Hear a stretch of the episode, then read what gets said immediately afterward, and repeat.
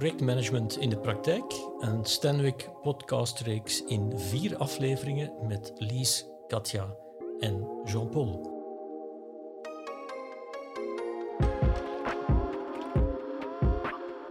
Vandaag tevens de vierde en laatste aflevering van onze podcast, waarin we drie thema's behandelen, namelijk het managen van risico's in een project, implementatie en nazorg en de pragmatische aanpak van Stanwick. Maar meteen met het uh, eerste thema te beginnen.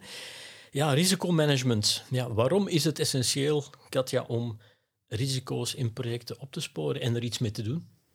Wel, Jean-Paul, we hebben, eh, risico, eh, we hebben projecten gedefinieerd als zijnde complex en uniek.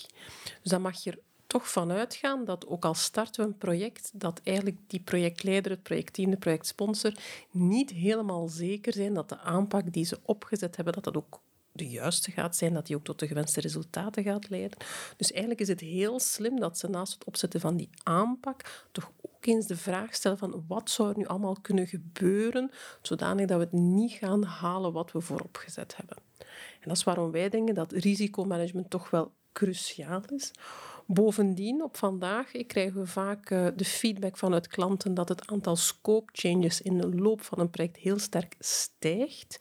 Wij denken dat dat enerzijds natuurlijk te maken heeft met de businessomgeving die heel volatiel geworden is, maar anders anderzijds ook met het overhaast starten van projecten, waarbij men eigenlijk het project onvoldoende gedefinieerd heeft, laat staan dat men al risico's zou ingeschat hebben.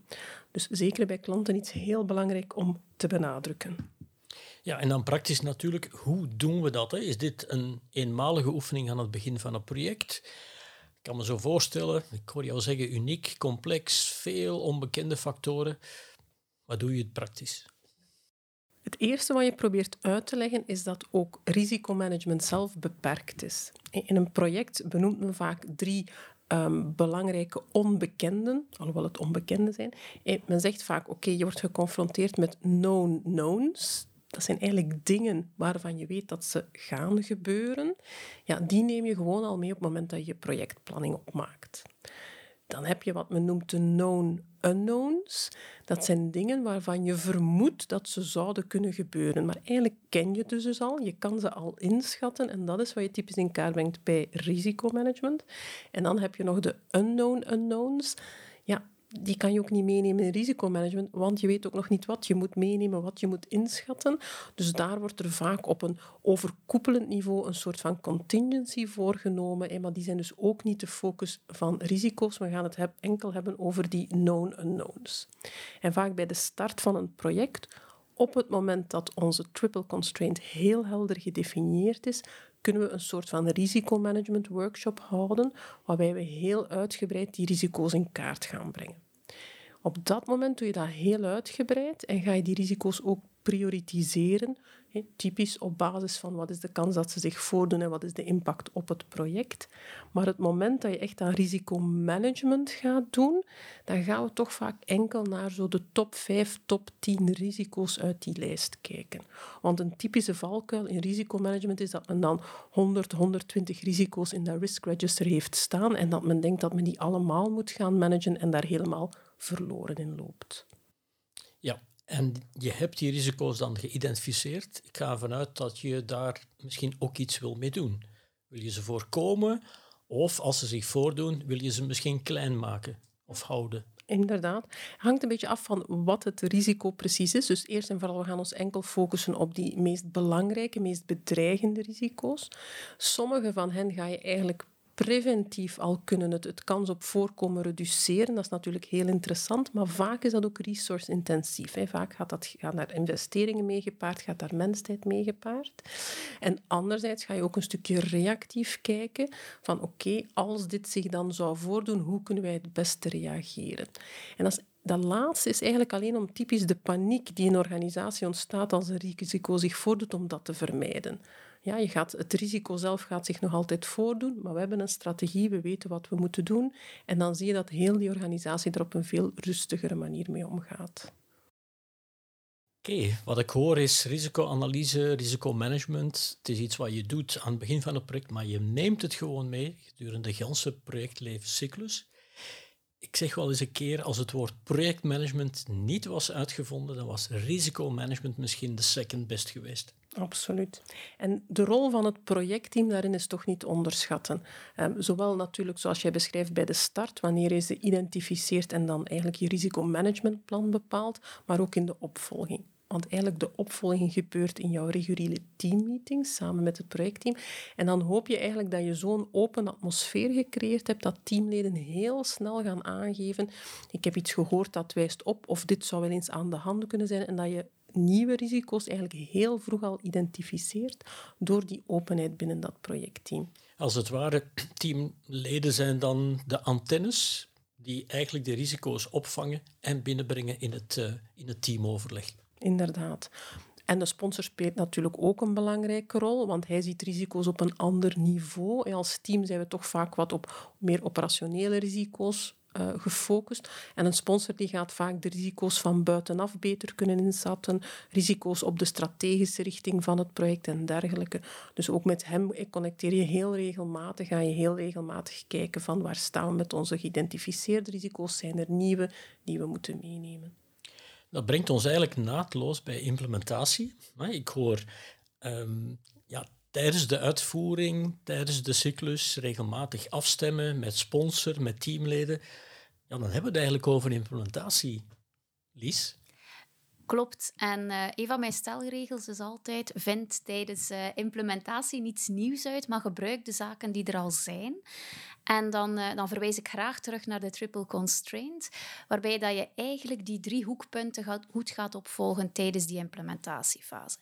Enerzijds uh, kijk je naar je scope en zie je van, zijn we die aan het opleveren zoals we gepland hadden? Dat is niet alleen leveren we het gevraagde op tegen de bepaalde tijd, maar denk ook goed na, is het de, kwaliteit die, de juiste kwaliteit die we, die we opleveren? Een stukje kwaliteitscontrole komt daar ook dikwijls bij kijken.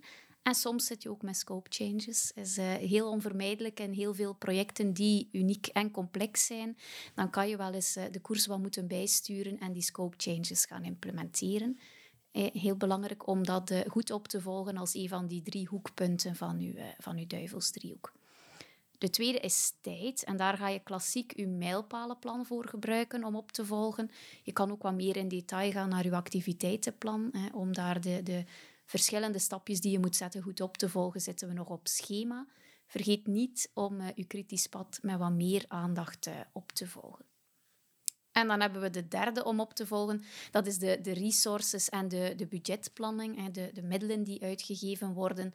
Daar hebben we in planning al een stukje een, een plan voor gemaakt. Dus is het in implementatie opvolgen of dat plan ook zich realiseert en eventueel bijsturen waar nodig risico's die we voorhand ingeschat hadden, eh, daaromtrent te gaan eh, afchecken of ze zich stellen of niet. Nu, dan hebben we wel onze duivelsdriehoek geborgd tijdens die implementatiefase. Maar tijdens een implementatie zien we ook dat mensen beginnen te zien dat uw project aan het lopen is. Heel dikwijls is dat de fase dat een project zichtbaar wordt in een bedrijf en dat mensen zich ook vragen beginnen te stellen van wat zal dat voor ons betekenen, hoe moeten we daarop uh, reageren. Dus zorg er ook voor dat je in deze fase met je projectteam heel hard vinger aan de pols houdt of iedereen mee is in die verandering of mensen daar de nodige support, ondersteuning voor hebben. Of er daar nog bekommernissen zijn die, uh, die leven. Maar dat is typisch iets wat je in je regelmatige overleggen gaat opvolgen tijdens implementatie. Maar misschien, Jean-Paul, is dat iets waar jij ons wat meer over kan vertellen? Ja, ik hoor, ik hoor twee dingen. Hè. Ik hoor jou vooral zeggen, um, gebruik wat je hebt opgebouwd bij de start in jouw front-end loading. En hou vinger aan de pols. En als we dat samenbrengen, inderdaad, projectoverleg, en dan zou ik toch even de valkuil willen aanhalen. Een projectoverleg is vaak geen projectoverleg. Projectoverleg is vaak het bediscussiëren van allerlei problemen, allerlei data um, die op de, op de projecttafel komen. Wij adviseren om dat te vermijden. Dus ga op regelmatige basis, wat is regelmatige basis, één keer per week beperkte tijd, maximum een uur, met het ganse projectteam eigenlijk rond de tafel en kijk binnen in je projectmanagement cockpit. Kijk naar de voortgang van het, van het project, kijk naar die mijlpalen. Kijk ook wat Katja gezegd heeft, kijk ook naar de risico's, zijn er nieuwe risico's? En focus je inderdaad op het dashboard van het project, op de belangrijke aspecten. Al de rest kan je offline gaan bediscussiëren. Bepaalde issues met leveranciers of, of onderzoeken die moeten gebeuren, dat doe je eigenlijk buiten dat regelmatig terugkerende projectmanagementoverleg. Implementatie, ja, dan naderen we ook hopelijk op een bepaald moment de afronding van het project. En we gaan het project inderdaad goed moeten afronden, um, focus moeten hebben op de implementatie, uh, de tevredenheid van onze klant, de tevredenheid van onze uh, user, de gebruiker. En we gaan ook een stukje nazorg moeten gaan organiseren. Helemaal op het eind hè, zorg je voor een naadloze handover. We gaan het projectresultaat eigenlijk overdragen aan de klant. Misschien is dat ook wel de projectsponsor voor een deel. Um, gaan we ook proberen te leren uit het project. Dan hebben we het over de befaamde lessons learned. Ik kom daar zo dadelijk op terug. En gaan we misschien ook ons team moeten ontbinden. En met ontbinden bedoelen we misschien in eerste instantie onze teamleden echt gaan erkennen en waarderen voor het werk dat ze geleverd hebben. En we gaan ze ook terugplaatsen in de reguliere organisatie. Om dan terug te keren naar die lessons learned, het zou een gemiste kans zijn mochten we enkel op het eind van het project gaan kijken van ja, wat hebben we nu uit het project geleerd. Dus wij zijn een, um, een, een pleitbezorger om regelmatig die lessons learned te organiseren doorheen de ganse cyclus. We noemen het dan leerstops, stops om te leren. Maar vaak is het ook eerst leren stoppen. Um, om dan finaal te eindigen met de lessons learned op het eind van het project. En dit willen we ook absoluut benadrukken. Leer zeker ook uh, over die dingen die goed gelopen zijn, wat je echt hebt kunnen opbouwen. En kijk ook eens, vooral voor de opvolgers van jouw project, wat had beter gekund.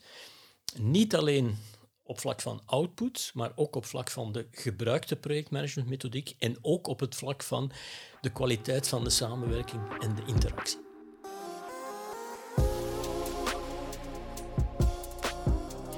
Willen zeker nog iets zeggen over de pragmatische aanpak die we in Stenwick hanteren naar onze klanten toe. Ja, wat is die pragmatische aanpak? Ja, we denken eigenlijk en we werken ook volgens drie pijlers. De eerste pijler is ja, de projectmanagementmethodiek. De taal die je eigenlijk wil gebruiken, die je wil spreken in het managen van projecten. Een tweede pijler is uh, wat we noemen projectportfolio management. Hè. Hoe manage je eigenlijk de veelheid van projecten, wat vaak toch de realiteit is in een organisatie. En de derde pijler is de organisatiecontext. Laat ons daar even op inzoomen. En ik denk, Katja, de eerste pijler, namelijk die projectmanagement taal of methodiek, misschien kan je daar even op, uh, op inzoomen. Dat is eigenlijk vaak de insteek voor veel klanten. Als wij kijken welke vragen we rond projectmanagement bij Stenwick binnenkrijgen, dan gaat dat vaak over kom onze projectleiders trainen, want onze projecten lopen niet zo goed en dan gaat alles in orde komen. Ja. Natuurlijk gaan wij absoluut met die klant praten, gaan wij ook luisteren wat de nood is. Maar vaak initieel krijg je ook niet meer mandaat dan met de projectleiders aan de slag te gaan. En dat is helemaal oké op dat moment. We gaan dan samen met de klant eigenlijk kijken van oké, jullie willen dat we jullie projectleiders trainen in een projectmanagement aanpak, maar is er hier al een aanpak? Hebben jullie eigenlijk een manier waarop jullie jullie projecten managen? Hebben jullie daar eventueel een aantal templates die daarbij horen, waar we gebruik kunnen van maken en die we natuurlijk onderweg ook mogelijk optimaliseren als we weten uit onze ervaring wat er minder goed aan is? En dat is eigenlijk een belangrijke eerste stap, dat je gaat zorgen dat er op maat van die klant een aanpak ligt die werkt voor hun bedrijf, hun manier van werken, hun cultuur die daar aanwezig is. En dan gaan we dat implementeren. Dus we gaan projectleiders opleiden. We mogen ze vaak ook een stukje coachen in die aanpak van projecten. Maar op een bepaald moment merk je dat dat onvoldoende is. En dan krijgen we frustraties bij projectleiders die eigenlijk zeggen van ja, maar wij doen dat allemaal, zoals jullie gezegd hebben, maar er zijn nog altijd te veel projecten waardoor we niet slagen of er zijn geen duidelijke prioriteiten. En dat is voor ons het signaal dat er nood is aan een volgende pijler om die aan te pakken. Ja, klopt. Hè. De volgende pijler, portfolio management, dat is dikwijls een beetje de kip of het ei. Hè. Was projectmanagement eerst of portfolio management? Als je met de ene start, dan krijg je on, ehm, onvermijdelijk de vraag naar de andere, of ook omgekeerd. En in portfolio management willen we typisch het overzicht over welke projecten zijn allemaal aan het lopen op dit moment krijgen. En het begint eigenlijk met een simpel lijstje welke projecten zijn allemaal bezig op dit moment. En dan evalueert dat wel een stukje naar hebben we zicht op waar welke resources aan het werk zijn? Kunnen we deze projecten allemaal dragen? Gaan we ook met deze projecten onze strategie realiseren? Maar zorgen we er ook voor dat we voldoende projecten hebben zodanig dat onze huidige business ook blijft werken, blijft genereren? Zorgen we dat onze projecten dat er voor ieder wat wil is, dat we een beetje een zicht hebben over de verschillende resources en kunnen die op, uh, op verschillende projecten ingezet worden. Het is belangrijk om dat overzicht te hebben van bij een begin van de projecten en om een stukje te kiezen welke projecten gaan we wel doen, welke projecten gaan we niet doen. Hebben we daar selectieparameters voor? Hoe maken we die keuze? En durven we die keuze ook echt maken? Dat we niet met een veelheid aan projecten eindigen waar we allemaal wat tekort aan resources hebben. Dus durven we echt kiezen voor een aantal diamantprojecten, zoals dat wij dat noemen dan. En dan een tweede, volgen we ook doorheen die projectcyclus op. Welke projecten zijn nog allemaal lopende? Welke projecten leveren op? Of durven we op een gegeven moment ook de stekker uit bepaalde projecten trekken als ze niet meer blijken te werken? Dus het is eigenlijk portfolio management, het overzicht over uw projecten van in het begin. Welke projecten kiezen we, maar ook voor welke projecten blijven we kiezen en kennen we resources toe. Maar dat alles kan natuurlijk alleen maar werken als je een context hebt binnen een organisatie die dat mee ondersteunt, als je de juiste mensen, de juiste standaarden hebt om dat ook waar te maken. Maar misschien, Jean-Paul, wat meer uitleg van Ja, het is een heel mooi bruggetje dat je maakt, Lies, naar wat we dan eigenlijk niet meer projectmanagement noemen, maar project excellence. Een context creëren randvoorwaarden opzetten waarin je projecten, excellente projecten, de diamantjes, hè, waarin je excellente projecten kan opleveren, maar waarin mensen, projectleiders, projectsponsoren, uh, projectteamleden zich goed voelen. Dat betekent, die context betekent dat je echt wel moet investeren. Je moet er ook een klein beetje geld tegenaan smijten om die gemeenschappelijke taal, zoals jij het benoemt, Katja, om die gemeenschappelijke taal te gaan spreken, te gaan ontwikkelen, spreken en toepassen. Om inderdaad ook bepaalde resources vrij te maken om de ganse portfolio in kaart te brengen en die te gaan managen. En last but not least, om inderdaad die, ja, die human resource context ook waar te maken. Daarbij denk ik bijvoorbeeld aan het recruteren van de juiste profielen, met de juiste projectmanagementcompetenties, het erkennen en waarderen van projectwerk doorheen het jaar, wordt vaak vergeten.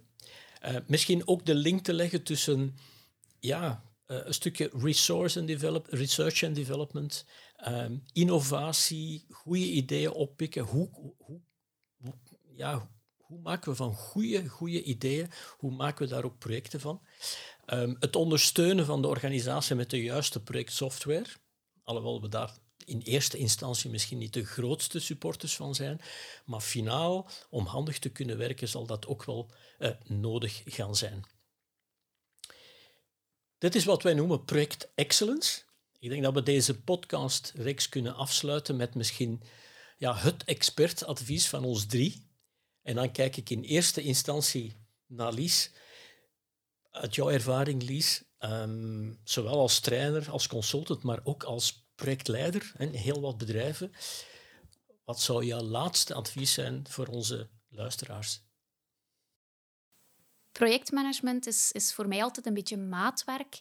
En kies dan ook de templates, de tools, de software eruit die voor dit project van toepassing zijn. En hou het pragmatisch, zodanig dat de templates, de tools u ondersteunen als projectteam en niet uh, dienen de templates of de tools voor de, voor de template of de tool. Dus kies die pragmatische aanpak die werkt voor uw project. Katja? Ik kom graag eens terug op front-end loading, waarbij ik zeg, neem enerzijds de tijd om je project goed te definiëren, maar definieer ook de drie hoekpunten van je triple constraint, van je duivelsdriehoek, heel goed, zodat alle partijen daar rond gealigneerd zijn en dan duiken we volle actie in het project. Als laatste misschien, um, projecten starten zonder voldoende draagvlak, zonder steun van jouw projectsponsor, maar waarmee ik eigenlijk ook bedoel, ja, zonder steun van de voornaamste key stakeholders, en vaak is dat toch het managementteam of directie, ja, dan stuur je eigenlijk aan op, op falen. Dus zoek voldoende steun, draagvlak. Soms is het beter om een project niet te starten dan het toch willen snel te laten doorgaan. Daarbij komen we aan het eind van deze vierde aflevering. Tegelijkertijd het eind van deze reeks. Dit was een Stanwick podcast. Wil je dit gaan toepassen in jouw bedrijf? Contacteer ons dan via onze website stanwick.be. Dankjewel. Dit was een Stanwick podcast. Wil je dit gaan toepassen in jouw bedrijf?